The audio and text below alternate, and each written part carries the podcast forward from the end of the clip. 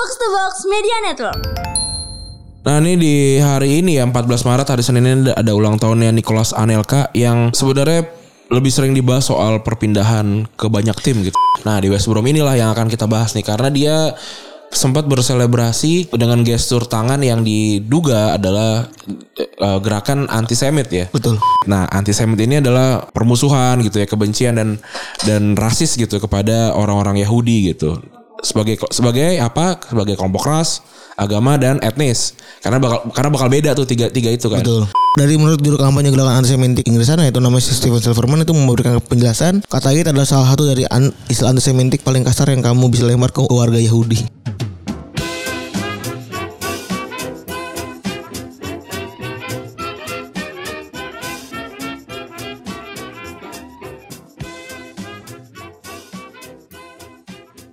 Podcast Retropus episode ke-385 masih bersama double pivot andalan Anda gue Randy. Dan gua Febri. Oke, selamat hari Senin teman-teman. Yoi. Memulai week baru. Yang terjadi di sosial media di minggu ini sebenarnya cukup standar-standar aja, tapi yang apa yang paling rame mungkin ya sebenarnya kalau kita ngomong pelaku itu kan memang harus sesuai sama hukum ya, tapi Anggaplah kita bilang pelaku ya, pelaku pelecehan seksual yang bunuh diri karena terjadi perundungan di sosial media. Walaupun, apa mem- memang kalau menurut gue dia deserve untuk itu gitu. Tapi ternyata inilah yang akhirnya kejadian gitu. Ada pelaku yang sampai bunuh diri gitu kan. Kan udah lama tuh nggak udah, udah berkali-kali kayak gini, udah bully dan segala macam. Nah sekarang nih ada nih yang akhirnya eh, meninggal gitu kan. Iya. Nggak kuat juga ya. Nggak kuat.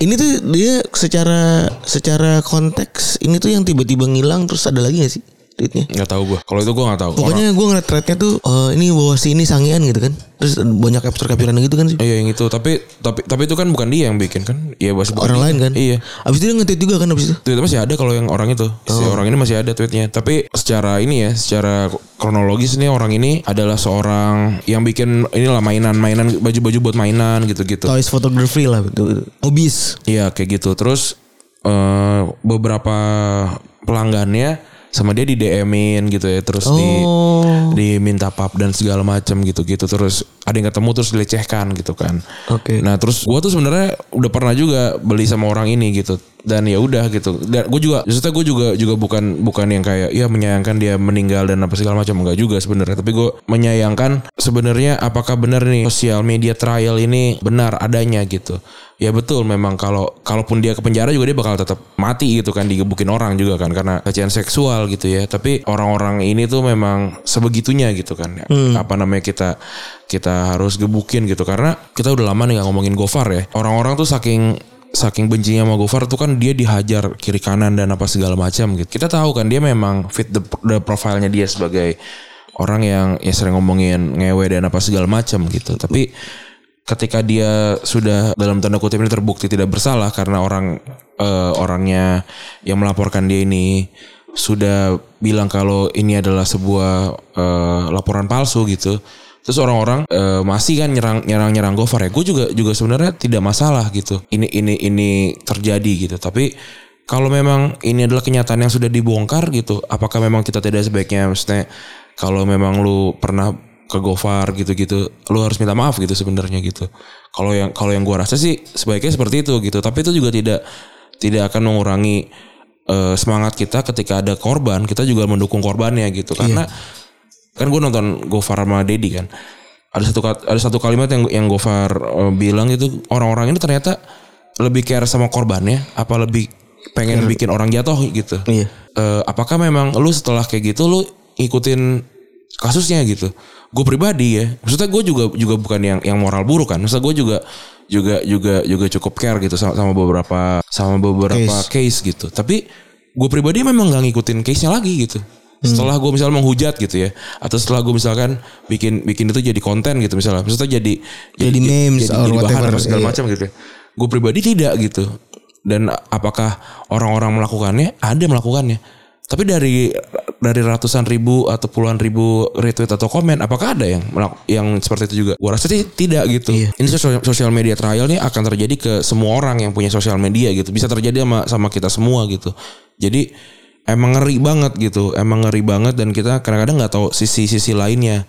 Tapi gua sama di kasus ini orang ini orang orang itu emang emang bangsat gitu. Orang ini orang ini bangsat dan layak mendapatkan hal-hal terburuk gitu. Tapi sekarang gini kalau kalau kita lihatnya dia udah udah bunuh diri dan apa segala macam gitu. Terus apa kelanjutannya? Apakah korban mendapatkan Haknya. haknya gitu? Nggak juga gitu. Betul. apakah apakah dengan dia mati korban akan bahagia Enggak juga. nggak juga gitu. Ma- ma- yang yang korban mau ini kan pertanggungjawaban dan dan hukuman hukuman untuk dia kan gitu kan. Kalau ini kan dia kan kabur kabur gitu loh dan ini yang banyak orang mau orang itu menderita semenderita menderitanya dan ngomong kan mati aja lo gitu ini kan mati aja tuh itu kata-kata yang kata-kata yang sangat mudah untuk dilempar sama orang tuh Apalagi kalau lagi mungkin kalau perspektif orang yang lagi punya masalah tuh mati aja lu tuh be- berat banget lu tuh. Iya, Itu kalut bener-bener- kan. Iya, orang lagi orang lagi kalut kalau tuh diomongin mati aja lu tuh sebenarnya dalam banget tuh maksudnya. Hmm. Mungkin gampang buat netizen buat ngomong kayak begitu ya, tapi kayak gitu berat banget. Tapi kalau udah mati begini gimana ya? Gue ngerasa jadi fungsinya sesuai sama apa yang ada sih. dan gue juga tidak berduka cita juga untuk orang ini. Gue juga enggak. Maksud gue juga bukan orang-orang yang yang nanti kan dianggap wah kok mem- membela pelecehan seksual enggak aja enggak. Gue enggak gue cuma cuma lagi refleksi aja ke diri sendiri gitu. Iya. ketika misalnya terjadi yang kayak yang ada yang kayak gini lagi seperti apa gue harus bersikap gitu. Gue pengen misalnya orang gue juga pengen ngegebukin gitu gue juga pengen. Tapi apakah itu adalah sebuah tindakan yang tepat gitu misalnya Gak tahu juga gue gitu. Terus kalau Oscar ya bagus lah udah mati dan apa segala macam. Ya kalau itu bagus buat lu tapi apakah bagus buat korban kan enggak. Lu lu terlalu ini bener ya lu ini jeleknya terlalu ini. meng, mengaku-akuan hal-hal yang bahkan bukan tentang lu gitu. Betul, itu yang jeleknya dari sosial media tuh itu. Iya. Yang penting tuh rame dulu, korban tuh gak dilihat sama sekali. Padahal yang perlu dibela tuh si korbannya sendiri kan. Iya, malah justru ramai soal dis- diskursus-diskursus Iya, itu. kata-kata eh, berbunga-bunga gitu. Eh, yang menjijikan dari dari itu kan, yang menjijikan dari hal-hal yang ramai di sosial media itu adalah itu kan sebenarnya kan. Hmm. Ketika si Anu begini, si Anu begitu, gitu-gitu kan. Terus muncul lah diskursus-diskursus ghosting apa dan lain-lain muncul istilah-istilah baru gitu ya. Iya, itu ya keluar bikin apa? Thread bikin- sendiri. Iya, Jadi bikin apa sih namanya tuh? Spaces gitu. Lu tiga jam ngomong gitu mendingan lo nyamperin ke rumah korbannya. iya gak sih Isti? Iya. Iya terus kalau udah begini gue rasa gimana ini kan sama kayak ini ya sama kayak konteks sama kayak maling ayam kali ya sama kayak maling gebukin kali ya konteksnya ya Ada yang bawa bapak kan eh, di, dituduhnya maling apa nabrak orang gitu terus digebukin sampai mati kan. Terus ternyata dia tidak melakukannya. ya konteksnya kayak begitu kan berarti kan Tapi be, tapi maksudnya kalau yang ini kalau kalau untuk gua sebagai orang luar yang bukan korban ya happy happy aja gitu. hmm. Mati orangnya kan gitu kan tujuannya itu kan. Tapi kan lagi-lagi ini kan bukan tentang gua, bukan tentang lu, bukan tentang warganet, tapi tentang korbannya gitu. warga net iya bener Gitu loh. dan sebenarnya ini seperti kalau gue gue rasa ya fungsi sosial media sebenarnya harus ada batasnya sih kalau udah sampai begini gitu ya kalau buat ngeramein gue setuju karena dengan kondisi kok dengan kondisi kayak gini mungkin sesuatu kasus tuh nggak bakal nggak bakal di nggak bakal diurus kalau misalnya nggak rame kan kayak gitu ya sekarang iya. itu mau gimana lagi gitu? Itu jadi kayak hukum rimba ya kan? Jadi hukum rimba. Ya paling nggak setelah udah rame diserahkan ke pihak yang berwajib. Alasan gue eh, arahan gue harapan gue sih gitu ya. Cuman maksud gue gue sangat menyayangkan ketika pelaku begini tuh itu berarti benar-benar dijauhin gitu ya benar-benar dijauhin tidak ada pendampingan nggak ada yang nemenin. Maksud gue Korban. eh Enggak, sih kan pelaku sampai bunuh diri kan sampai, mati kan maksud gue. Iya kan kalau pelaku ngapain ngapain butuh ada pendampingan. Enggak maksud gue gue ada sisi di mana ini nggak ada nggak ada keadilannya jadi jadi endingnya gitu.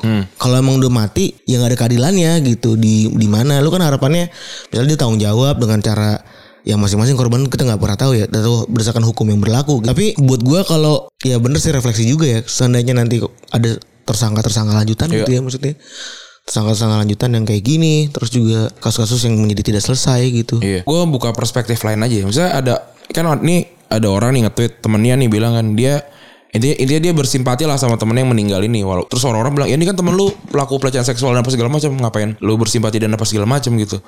Gue satu sisi setuju karena gue tidak kenal dia. Tapi kalau misalkan teman terdekat gue melakukan pelecehan seksual gitu ya, Ya gue juga pasti mungkin akan kayak gitu deh. gue akan bersimpati walaupun walaupun gue juga jadi orang pertama yang marah gitu. Iya. Maksudnya kemarahan gue tidak tidak menghilangi menghilangkan dia simpati gue iya. karena dia di karena dia dirundung gitu maksudnya. Gitu loh. Iya. bukan agak, emang agak susah kalau kalau lu kenal gitu. Tapi kalau lu tidak kenal wah gampang banget gitu. Makanya makanya banyak orang-orang yang waktu kasusnya Gofar gitu ya ada yang tetap ada di ada di pihaknya Gofar tuh bukan bukan bukan soal apa apa gitu. Tapi me- mereka soal lebih lebih kayak eh ini teman gua nih gitu. Kan toh juga belum ketahuan Iya. pelecehan seksualnya gitu intinya gitu maksudnya kok dan dan agak susah juga pilihan-pilihan yang yang orang ambil gitu. Jadi jadi instead instead lu dibandingin lu marah-marah sama orang-orang yang mencoba untuk ada di pihaknya itu, lu baik ke korbannya gitu. So korbannya emang kadang-kadang tidak tidak dibahas sih kalau yang gue lihat. Iya kan yang selalu gue bilang kan kalau ada kasus pelecehan gini lagi-lagi lihat update-nya gimana, lagi-lagi gimana. Selalu gue lihat nama besar tuh cuma menarik ini aja menarik perhatian orang orang banyak aja kayak orang nontonin mobil di jembatan Iya. yang nggak tahu juntrungannya apa. Tapi ya kalau or urusan teman ini juga kan kejadian juga di kasusnya beberapa abang-abangan kiri itu kan juga kan Hmm. temen lu aja lu pada diem gitu gitu kan. Tuh kejadian ya karena mungkin basically Ya bias lah gimana dong. Iya, iya. Tapi tapi maksudnya itu tidak mengurangi tidak mengurangi kesempatan untuk ngecengin gitu maksudnya. Iya benar. Maksudnya kalau maksudnya gini, gue tuh bakal ngecengin orang-orang kayak gitu. Iya sama. karena karena waktu gue melakukan hal itu gue juga udah siap dicengin. Iya betul. Kecuali kalau gue tidak siap. Betul gitu. Jadi, betul. jadi ya balance saja gitu, balance saja. Mungkin kalau emang lu ngecengin mereka kan berarti artinya lu kalau siap kalau lu juga ntar akan dicengin dengan hal itu. Betul. Gitu. Tapi yang jelas satu hal itu ya semua manusia dan sa- sadar lah kalau ada bias pasti ada bias ya namanya. Pastilah. Perspektif orang beda-beda gitu ya dan dan apa ya dan yang kayak gitu pasti ada bukan double standar gue ngerasa ya biasa aja gitu. Bias. Namanya juga kan temenan ya. Iya, bias do- double standar, bias ya apa pun namanya tapi ya itulah. Nggak apa-apa juga kalau emang lu kita juga selalu double standar lah. anyway gitu ya. So, yang- dengan apa namanya dengan standar yang berbeda maksudnya dengan kadar yang berbeda mungkin nih. Terus juga ada yang rame lagi adalah soal ini ada ada dua sebenarnya agak mirip sama-sama orang yang berkarir di New York ya ini Pinot sama Panji nih kan. Untuk Pinot nih, Pinot ini adalah orang yang suka bikin eh, karya-karya Stop digital motion. ya. Dia tuh sering banget pakai gadget-gadget ga- eh, jadul gitu. Nah dia nge-tweet nih handphone dan laptop akhir 90-an semoga sem- selama masih berfungsi bisa diberdayakan untuk mencari nafkah. Nggak ada alat yang ketinggalan zaman. Netizen seperti biasa berkomentar. Lebih tepatnya diberdayakan untuk mencari atensi publik dan menambah engagement sos- sosmed lu ya. Dari kata Angga Raks, Angga Raksam. Terus ada lagi, satu lagi dari Boy Pablo underscore on. Nah ini mah rada sebel sih baca tweet macam gini ya. Di lu doang yang bisa buat cari nafkah kan gimmickmu gadget klasik dikasih ke pegawai kantoran dipecat kagak selesai bu- buka Excel 4 jam cuma buat nge-save. Iyalah bego banget ya. Iya emang emang dia kan ngomong buat diri dia sendiri. Dan gini loh. Ini kan kata-kata yang sebenarnya bisa bikin orang patah hati dan lebih tepatnya memberikan untuk cari atensi publik dan menambah engagement sosmed. Ya memang kerjanya orang orang-orang yang yang berkarya tuh kayak gini. Kalau lu emang kerjanya kantoran kayak gua gitu ya, ya memang kita mem- memang beda karyanya gitu. Ya walaupun kalau kalau gua ada berkarya gitu ya, misalnya bikin konten-konten, tapi maksudnya untuk orang-orang yang yang kerja kantoran eh, ada di belakang meja gitu, ya karyanya kan bukan ini gitu. Kenapa kenapa lu sampai sampai bisa nge-tweet kayak gini tuh karena apa gitu? Kan Siapa menyakiti sih lu sih? ini kan maksudnya kita kan juga sering kan apa namanya eh, dapat tweet dapat tweet apa komentar kayak gitu-gitu kan. Iya. Gue nggak tahu eh, kenapa kenapa budayanya tuh orang tuh menjatuhkan gitu. Karena karena gini ya. Ini kayak kejadiannya tuh di Indonesia lebih banyak gitu dibandingin luar. Karena gua gua ngelihatnya budaya untuk memuji, budaya untuk apa ya, untuk apresiasi tuh di Indonesia tuh sangat kurang sebenarnya. Iya. Kalau lu lihat di luar negeri, ada konten-konten yang kayak eh, ada orang eh lu cantik banget gitu kan. Eh terima kasih gitu kan. Ada ada kan lu suka iya, gitu tahu, kan. Indonesia gitu dibilang pelecehan. karena apa? Karena emang dari dari awal gitu. Karena juga karena karena juga emang orang-orang kayak gini di sosial media gitu. Nggak emang kan udah itu, itu kan tidak signifikan eh, lebih banyak yang memuji. Ya maksudnya kenapa tetap ada orang kayak gitu gitu. Orang-orang kayak gini. Sama sama kayak Panji gitu kan. Panji juga kan lagi berkarir luar- di luar negeri terus apa? Lagi refleksi diri lah dia. ya dibilang anjir gue gak lucu dan apa segala macam. Kayak iya memang lu gak lucu dan apa segala. Wah gitu gitulah. Maksudnya gini ya mungkin memang dia tidak lucu gitu. Tapi apakah ada, itu adalah momen yang tepat untuk ngomong itu gitu. Terus apakah itu adalah momen yang tepat untuk eh, ke orang yang sedang membangun karir lah gitu. Sedangkan bayangin aja yang orang yang bikin-bikin ini kan juga bikin konten jelek semua gitu. Iya.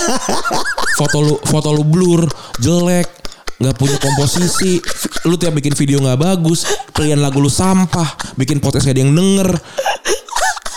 Argumen-argumen lu jelek banget di sosial media maksudnya lu bikin sesuatu tuh juga jelek gitu maksudnya itu yang bikin lu bikin lu marah gitu. Itu yang bikin lu nggak suka sama orang yang punya karya bagus gitu.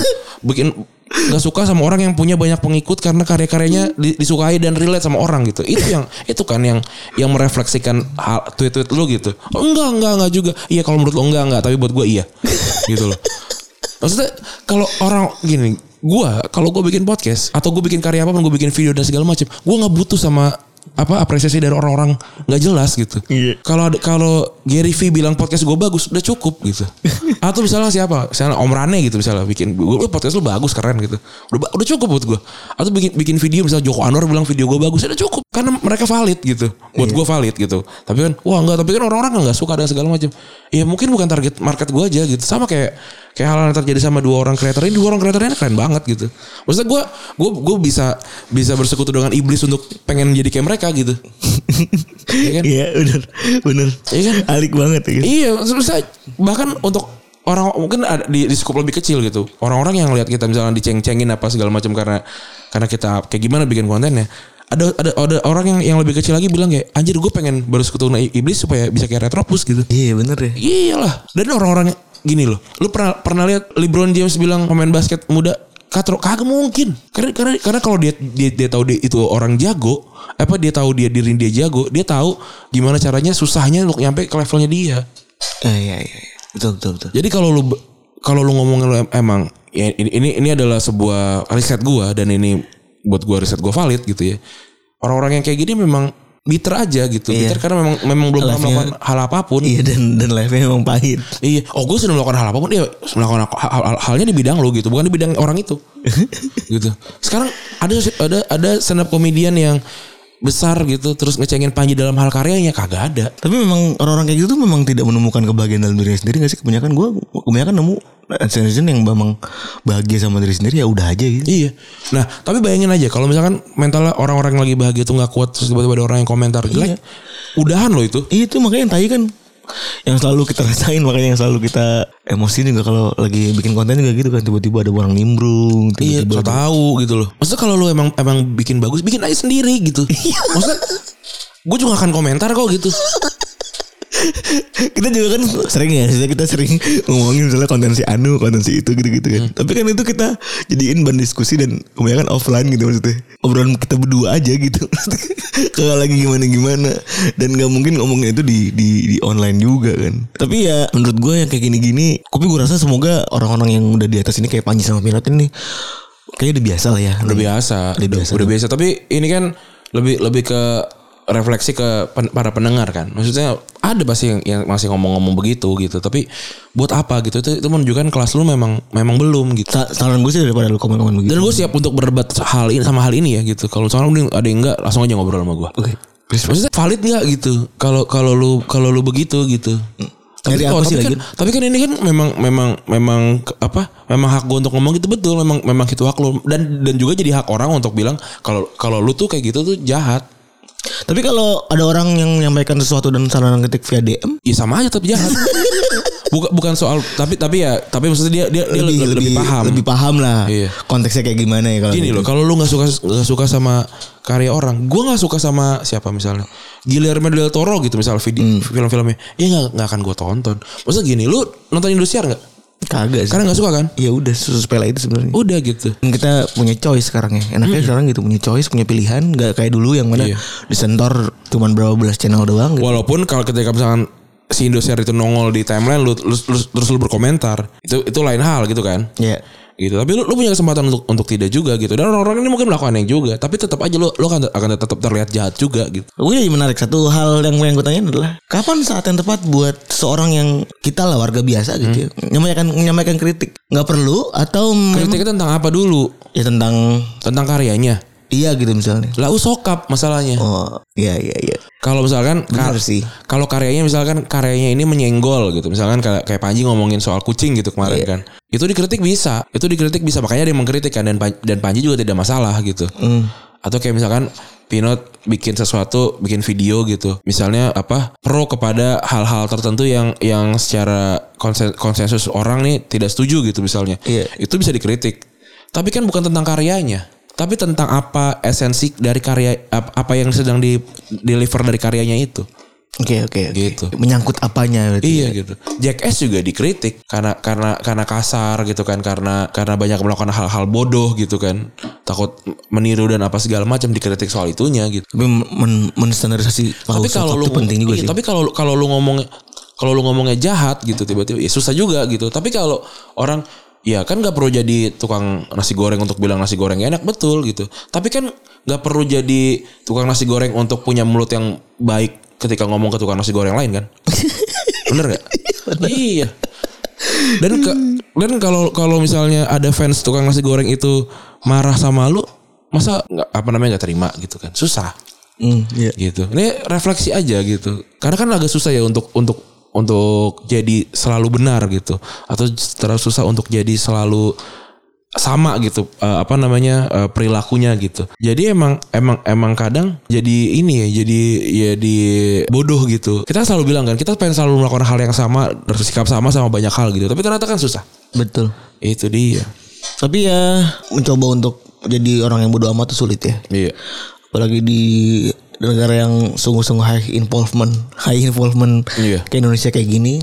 Jadi mulailah belajar gimana ya. Satu sisi gua individualis kayaknya perlu perlu gitu ya maksud gue dan mulai di apa ya pikirin karena at the end of the day makin tua makin berasa kalau hidup tuh emang punya diri sendiri doang daripada ngomongin dan ngomentarin orang lain lebih baik fokus sama diri sendiri ya kan? Sudah apa saya hari ini gitu ya? Explore beli apa gitu maksud gue explore sesuatu. Daripada lu komen kamu gitu mending lu nyari ilmu di YouTube kan banyak ya gitu. Ya intinya jangan jangan jahat lah. walaupun, walaupun gue suka jahat sebenarnya. Iya tapi kan nggak usah nggak usah ngikutin. Oke kita masuk ke sepak bola ya soal kasus Abramovich ini update adalah dia di diskualifikasi dari posisi direktur Chelsea. Kemudian emang dia direktur ya enggak kan? dia kalau sebutannya direct director director kan director berarti kan Iya mungkin ya.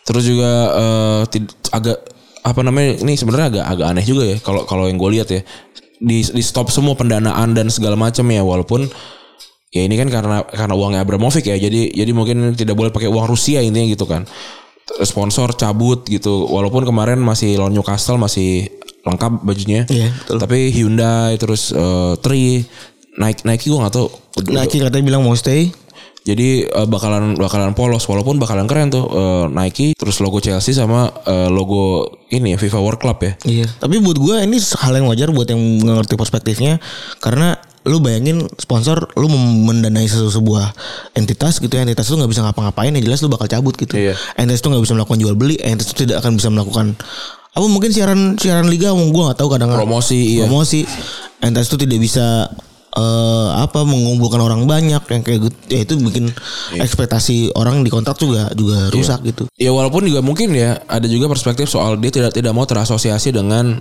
hal-hal berbau Rusia gitu. itu juga tambahan variabel lain gitu Iya. Terus selanjutnya ada Ronaldo yang jadi mencetak gol klub dan negara terbanyak eh, melewati Jo- Joseph Bican ya. Joseph Bican 805 ya 805 kayak Ronaldo 807 kayaknya deh setelah di hat trick ya. Oh. Tapi ini gue juga gak tahu nih ini ini ini kan yang yang resmi ya. Maksudnya kan ada ada Pele bilang 1100, Romario 1000 berapa gitu-gitu kan. Tapi ya benar juga. Maksudnya jam zamannya Pele siapa nyatet gitu loh. Iya. Iya kan. Dulu dulu orang orang nyuci sepatu sepatu sendiri gitu, ya kan. Agak susah gitu. Tapi zaman kita berarti masih zaman Pele Indonesia ya. Kenapa? Gak ada nyatet kan? Gak ada nyatet. Aneh. kita masih ada di zaman Pele berarti. Tapi gue sih gak mau nyatet juga ya kalau kayak gitu ya. Maksudnya kalau golnya dibiarin segitu itu itu karena masuk gol nggak tuh kan nggak nggak nggak nggak juga kayaknya ya Dibiarin. Iya kan? itu itu mana mana sih Bang? tahu Liga liga berapa sih? udah liga liga up liga liga du liga liga tiga kayak itu Liga tiga ya. Yang ada di maksudnya kalau lu kalau lu dilonongin baik gitu. kalau lu kayak gitu jangan gak usah main bola gak usah lah jahat gitu Sedih, sedih banget gue ngeliat begitu ya Allah. terus selanjutnya eh, kabarnya mau salah nolak nolak kontrak ya walaupun dia ingin, masih ingin bertahan Jadi memang ini aturan ini gue sebenarnya value yang unik dari Liverpool ya karena di saat orang di saat klub-klub lain tuh selalu kalah bargaining position dibanding pemainnya kan ada player power dan lain-lain. Si Liverpool tetap punya ini struktur gaji kan struktur gaji tetap ngotot kalau misalnya kalau memang lu mau nyepin maunya segini ya udah segini gitu. Klub cuma bisa ngasih sekian. Jadi emang si Liverpool ini kalau mungkin fansnya rada kesel karena jadi nggak bisa bersaing sama klub lain.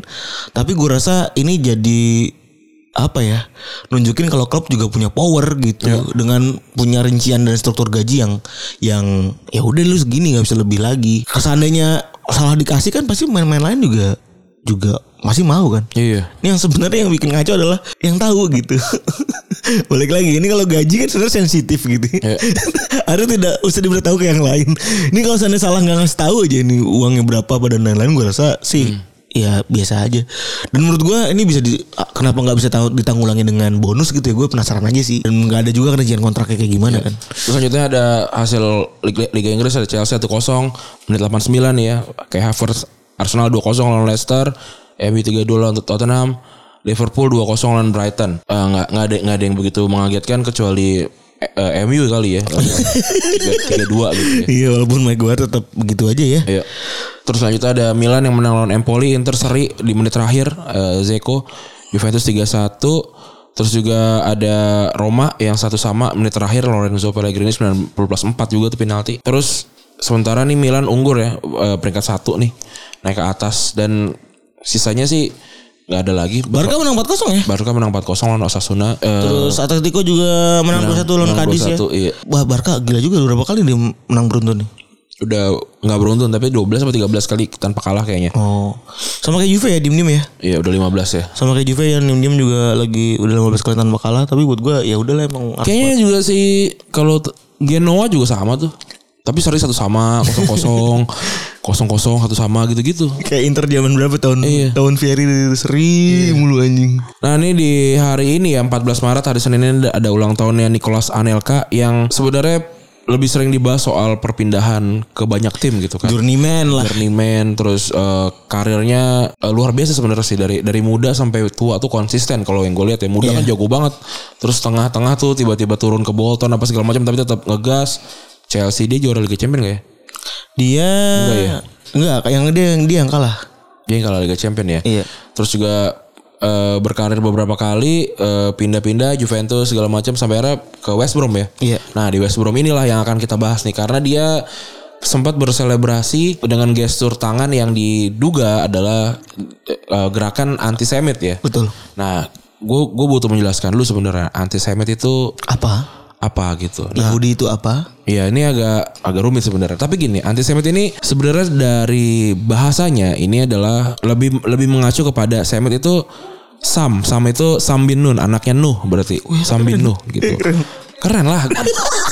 Gue kayak gini-gini agak lumayan ngerti. Sam apa, apa anti Sam itu Sam itu awalnya Sam itu eh, se- semit itu mungkin ini ya apa namanya eh, logat pelafalan dari dari dari suatu kaum berarti ya. Tapi kalau kalau dari dari Arabnya namanya namanya Sam Sam Sam bin Nuh Nuh itu na- na- nabi nabi nabi yang Nabi Nuh. Nabi Nuh gitu ya. Heeh. Jadi sebenarnya kalau dari mengacu kepada nama tersebut gitu ya eh, antisemit ini mencakup ke keseluruhan orang Arab. Maksudnya kan juga belum tahu dan tidak paham gitu ya. Eh, Yahudi itu juga ada di Arab gitu maksudnya. Itu itu dari etimologi antisemit. Nah, antisemit ini adalah permusuhan gitu ya, kebencian dan dan rasis gitu kepada orang-orang Yahudi gitu. Sebagai sebagai apa? Sebagai kelompok ras, agama dan etnis. Karena bakal karena bakal beda tuh tiga tiga itu kan. Betul. Nah, kenapa kenapa mereka mereka ini benci sama eh, Yahudi dalam dalam hal-hal ini? Karena Yahudi ini dal- dalam berbagai hal ini sangat mendominasi gitu. unggul. Walaupun tidak banyak eh, jumlahnya gitu. Tapi mereka sangat sangat pintar dan segala macam gitu. Jadi timbullah kebencian kebencian eh, da- kepada etnis Yahudi gitu. Dan juga mereka kan bukan orang lokal karena mereka kan ini adalah kaum yang eh, da- kalau kalau dari dari kitabnya mereka ini kan di, di- diusir kan Iya. dari dari dari daerahnya gitu sehingga mereka melakukan eh, persebaran ke ke berbagai daerah ke berbagai, berbagai tempat. Yang tadi gue bilang makanya ketika mereka pindah ke satu tempat itu mereka mendominasi gitu. Nah ini jadi ada kebencian terhadap eh, dari orang lokal terhadap Yahudi gitu. Jadi jadi mereka sering banget yang dianggap biang sial apa segala macam dan jadi persekusi gitu. Sampai akhirnya yang, yang mungkin paling besar adalah soal eh, Hitler ya. Hitler ya. Mereka eh, eh, dia melakukan genosida gitu terhadap terhadap etnis eh, Yahudi gitu. Nah, kalau kalau Yahudinya sendiri ini kita kita bisa bisa membahas dalam dalam berbagai hal gitu ya. Ada agama Yahudi, ada etnis, ada juga suku bangsa gitu kan ya. Nah, kalau mulai dari mana? Dari etnis dulu ya. Dari etnis ini sebenarnya gini. Kata Yahudi itu adalah julukan untuk anaknya Yakub, Yehuda. Iya. Gitu. Karena Yehuda ini uh, da- dari berapa? Dari 10 kalau nggak salah dari 10 anaknya Nabi Yak. Dia dia tuh adalah orang yang paling banyak keturunannya gitu. Iya. Nah, jadi anak-anaknya Yehuda ini dibilangnya orang Yahudi gitu. Iya. Gitu. Karena an- anaknya Yehuda gitu. Nah, Turunan-turunannya. betul. Nah, sedangkan Nabi Yakub ini julukannya adalah Israel. Oh. Gitu. Jadi Israel ini adalah julukan dari eh, Nabi Yakub atau Jacob gitu kalau kalau di sana gitu ya. Bani Israel namanya. Nah, Bani Israel ini adalah adalah ya keluarganya Israel gitu, keluarganya si eh, Yakub gitu. Nah, kalau tadi kalau si Yehuda ini itu dibilangnya Israel, apa namanya Yahudi gitu. Yahudi. Karena anak-anaknya Yehuda gitu. Karena banyak nih gitu. Nah, makin makin lama makin makin eh, ke depannya karena karena makin makin banyak nih mereka terasosiasi lah dengan nama Yahudi gitu. Hmm. Si anak-anak atau keturunan-keturunan dari si Yehuda ini gitu. Kalau soal agama gini, jadi ini ini yang gue pahami ya. Yahudi itu makanya dia makanya walaupun dia sudah tua, tapi dia tapi dia tetap ada di peringkat 10 agama terbesar di dunia gitu. Bukannya agama-agama kayak Islam atau Kristen dan segala macam karena Yahudi ini khusus untuk anak-anak keturunannya Ya- Yakub gitu. Atau orang-orang atau atau Bani Israel gitu. Makanya mereka tidak melakukan persebaran tuh gitu Jadi nggak ada misionarisnya tuh. tidak tidak ada misionarisnya gitu. Jadi banyak orang yang banyak orang yang merasa juga kayak orang orang-orang Yahudi ya, orang-orang Yahudi asli gitu lah. Itu menganggap kayak lu tuh tidak lu tuh nggak boleh masuk agama Yahudi gitu. Karena kalau meme lu tuh nggak diajak. iya, karena lu tuh bukan karena lu tuh bukannya Turunan. keturunannya foto Israel ini gitu. Tapi ada yang ada yang menganggap sekarang ya udah karena sekarang sudah udah udah zaman baru nih gitu ya. Udah zaman baru makanya kita bilang ya udah nih Yahudi baru nih. Yahudi Bikin, baru op- adalah bikin oprek. Iya jadi orang-orang yang yang yang mengasosiasikan, mengasosiasikan diri dengan agama Yahudi dianggap dibilanglah orang Yahudi gitu. Oh. Gitu. Nah, sedangkan kalau orang Zionis, eh, Zionisme itu adalah orang-orang Yahudi yang eh, bertujuan untuk membuat agama eh, untuk membuat negara Israel di tanah Palestina. Gitu bedanya. Oke. Gitu kan. Respect banget. Iya, gue jago kayak gini-gini. Makanya banyak baca gue. Ah. Mau sering diem aja. Dari SMA ini. Dari SMA di begini gua gua bisa Iya. gua bisa menceklis. Oh tadi ternyata anaknya Israel tuh ada 12 bukan 10 ya. Yehuda yang terbesar lah intinya gitu ya. Gitu. Jadi kalau lu mau mendefinisikan dulu siapa sebenarnya eh, Yahudi apa suku bangsanya, agama dan segala macam beda-beda gitu. Ada orang misalnya gini, ada ada keturunannya Yakub gitu ya yang tidak beragama Yahudi ada gitu. Tapi apakah dia bilang Yahudi Yahudi gitu? Karena dia karena dia adalah an- anak keturunannya Yakub Oke. gitu. Setelah setelah sudah sudah berkumpul nih yang anak-anak Yehuda tadi kan kan karena terlalu Berarti besar bisa tuh. ya, bisa ya. Maksudnya bisa ya orang Yahudi beragama Islam gitu. Iya bisa. Bisa. Karena mereka lagi lu bilang Yahudi itu adalah ras, agama, dan etnis. dot etnis gitu. Jadi jadi jadi jadi sangat besar gitu. Jadi kalau misalkan orang yang apa namanya yang yang menghinakan agama gini-gini adalah orang Yahudi gitu. Belum tentu gitu. nggak bisa gitu. Maksudnya gimana? Apa, apakah Dan, ada tapi luas banget berarti ya. Maksud gue Yahudi orang. Luas. Oh, ada satu orang Yahudi bisa aja ya kita nggak tahu ya maksud gue. Apakah itu emang agamanya Yahudi atau rasnya Yahudi apa gimana? gue jadi jadi bingung juga anjing. benar benar. Nah itu kan apa agamanya, apa rasnya, apa segala macamnya gitu. Kan dia dia kan kalau kalau misalkan dia keturunan keturunan Yahudi gitu, dia kan tidak bisa melepaskan Yahudi dari Betul. dari diri dia. Kayak gue orang Jawa aja gitu. Iya gitu. Mau gue tinggal lama di Tambun juga tetap aja gue disebutnya orang Jawa kan gitu. Betul kayak gitu. Hmm. Nah ini ternyata dari kebencian tadi antisemit ini kan antisemit sekarang jadinya bergeser memang cuma khusus untuk Yahudi aja lah gitu ya. Betul, spesifik. Kita spesifikkan sebagai seperti itu. Tidak gitu. sesuai dengan etimologinya. Iya se- sebagai kalau dia tuh adalah anak keturunan dari Arab. Sa- eh, Sam bin Nuh itu. Iya, tapi kalau misalnya di sepak bola yang mau dibahas kita bahas kayak, kayak eh, kali ini adalah antisemit itu sebenarnya udah kayak rasis ya bisa dibilang ya udah dalam arti udah kayak orang Emang dikatain, rasis. udah dikatain tenyom, udah kayak orang Iya. eh, apa penonton ngatain monyet, Iya. ngelempar pisang, terus nyanyi-nyanyi ngehina agama kayak gitu-gitu. Tapi ini bisa dibilang kalau kalau para peneliti nyebutnya nanti gua ada penjelasan di bawah itu ini lebih orang-orang kota yang melakukan kayak gini. Kalau misalnya rasisme itu mostly dilakukan sama orang-orang pinggiran gitu ya. Antisemit ini gerakan antisemit kebanyakan ada di ada di kota-kota besar malah. Ya itu tadi karena mungkin berhubungan sama ekonomi terus juga seba, seba- Iya. kayak gitu. Uniknya ini kayak orang-orang beradu pinter kan soalnya kan. Iya tadi karena Ngerasa kalah pinter kali ya. Iya kayak gitu mer- merasa merasa kalah dan apa segala macam gitu. Itu itu kan dulu ya. Sekarang sekarang sekarang sekarang makanya sisa-sisanya tuh orang-orang kadang-kadang nggak paham juga gitu kenapa dia membenci Yahudinya apa segala macam gitu. Nih, jadi dengan mendengar Retropus Anda mendapatkan ilmu sosial yang banyak ya. Ah gila. Nggak, kalau menurut gue jangan denger retro bacaan. Baca sih. yang jelas kalau di Inggris tuh salah satu klub yang paling dikenal sebagai an- eh, apa namanya dekat dengan Yahudi itu adalah eh, Spurs ya. Hmm. Yang mana menyebut eh, dari dulu tuh udah lama udah sering dicengin juga dan eh, mereka bikin sebuah akhirnya karena jadi gini polanya tuh selalu orang-orang Yahudi yang dicengin dalam klub itu selalu akhirnya embracing them- themselves gitu. Di Spurs Yates di di Dortmund The Judas kalau nggak salah gitu eh The The Juden gitu gitu jadi ini mereka bangga sama mereka sendiri gitu ya.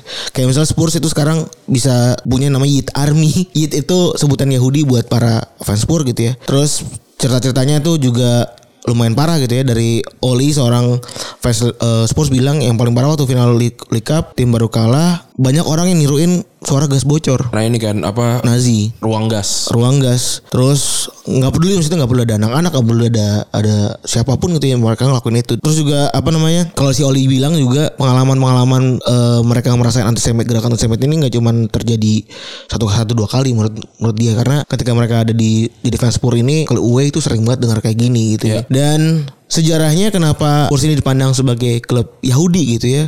Karena waktu itu ketika ribuan eh, pengungsi Yahudi tiba di Inggris dari awal 20-an itu banyak dari mereka yang kabur karena eh, apa namanya program di Rusia dan Eropa Timur gitu ya dan apa namanya dan kebanyakan tuh tinggal di North London. North London kan dulu kan nggak ada Arsenal kan soalnya kan. Iya belum. Arsenal kan ada di selatan kalau nggak salah. Ada ya Tebet kan. Ada di Tebet ya. Udang peluru kan. Di, ini dia. ada di Tebet aslinya terus baru pindah ke atas kan. Akhirnya ya udah North London ini jadi komunitasnya Yahudi orang-orang Yahudi pada tinggal di sana dan ya mostly kan supporter salah satu klubnya kan cuma ada Tottenham doang gitu. Jadi ya wajar kalau misalnya banyak fans-fans atau banyak-banyak banyak kaum kaum Yahudi yang akhirnya menjadi fans Tottenham gitu. Jadi ceng-cengannya ke sana Betul. Dan juga banyak debat ini kan soal penggunaan kata yit sebagai eh, apa ya? identitasnya mereka identitas gitu. Banyak banyak yang bilang sekarang eh kan sekarang udah udah bakal udah dianggap positif gitu ya. Tapi banyak juga menolak gitu terutama dari komunitas Yahudi itu sendiri gitu. Itu ada artikel dari The Jewish Chronicle pada 2016 bilang sebenarnya cuma 5% doang eh, dari penonton Spurs yang benar-benar Yahudi gitu. Mereka nanya nih apakah benar gitu layak untuk digunakan. Sama seperti kayak Barcelona dengan dengan fansnya Boy, Boysos Noise Oh, gitu Boys ya Noise. Bo- Boysos itu artinya pantat sebenarnya maksudnya tapi kalau lo diasosiasikan dengan pantat lu bakal marah kan sebenarnya kan. Tapi ini ini lebih kayak lebih ke sejarah karena ketika waktu itu pendahulu pendahulunya Boysus Noise ini nonton eh, yang kelihatan dari belak dari dari luar tuh ya emang pantatnya mereka gitu. Jadi mereka di, di, di, di- dibilangnya kayak gitu. Dan dan kalau kalau orang yang yang nggak ngerti kan kan ngeceng ngecengin gitu kan. Tapi buat mereka ya bangga bangga aja. Maksudnya dari zaman dulu mungkin ketika banyak orang pendahulu- pendahulunya pada miskin tapi tetap tetap tetap mendukung Barcelona gitu ya. Maksudnya itu itu yang diambil sama merekanya gitu. Jadi jadi mereka tidak masalah untuk panggilan panggilan seperti ini mungkin. Tapi kan kalau ada ada yang tersinggung ya kita nggak bisa nggak bisa marah juga gitu. Dari menurut juru kampanye gerakan antisemitik Inggris sana itu namanya Stephen Silverman itu memberikan penjelasan kata Yid adalah salah satu dari an- istilah antisemitik paling kasar yang kamu bisa lempar ke warga Yahudi. Dalam Perang Dunia Kedua ket- ketika kaum Yahudi ditangkap di Eropa dan dikirim ke kamp pembasmian itu adalah kata yang terus mereka dengar. Oh itu adalah istilah dari sono berarti ya. Salah satu satunya konteks di mana kata itu tidak menghina hanya ketika lu itu adalah fans Tottenham katanya. Ya, sama kayak kalau kita ngatain diri sendiri kan Iya benar. Dan problematiknya dan anjingnya juga, it itu ketika udah di embrace sama fans Tottenham gitu ya, itu dijadikan sebagai tameng buat orang-orang rasis yang memang mau ngecengin Yahudi. iya Jadi kayak dasar Yit lu, ya lalu kan seneng panggil Yit gitu-gitu kan. Jadi kayak gitu. Ya kayak teman-teman lu yang kayak tai lah. Tapi kayak gitu kan. Ini kayak kita udah mengembracing mas-mas biasa tapi malah diinjek-injek kali gitu. Iya kan dia oh kata katanya Mas, Mas kok kok gini. Oh gini gini ah ya gitu lah. Selain Tottenham juga ada beberapa klub lain ya. Kalau di ada juga di Belanda kan namanya Ajax kan dia terkenal banget. Penggemarnya itu um, mang- manggil dari mereka sebagai Jordan atau Super Jordan. Jadi adalah kata katanya Belanda kata Belanda untuk orang Yahudi ya. Kalau di Ceko ada Slavia Praha dan juga ada KS Cracovia di Polandia. Persepsi kenapa mereka berdua mereka dua klub ini dijadikan sebagai klub Yahudi gitu ya. KS Cracov- ini itu lebih karena provokasi anti Yahudi dari dari rival mereka. Sementara kalau Slavia dituduh sebagai klub Yahudi karena cuma punya satu akar yaitu gara-gara pertandingan persahabatan tahun 20-an lawan West Ham aja. Yang mungkin juga jadi karena lagi adalah tadi orang-orang Yahudi yang kabur dari Rusia atau dari Eropa Timur ini ke London ya. Gue curiganya Yahudi ini kayak ini ya. Jadi kayak ceng-cengan aja tau gak?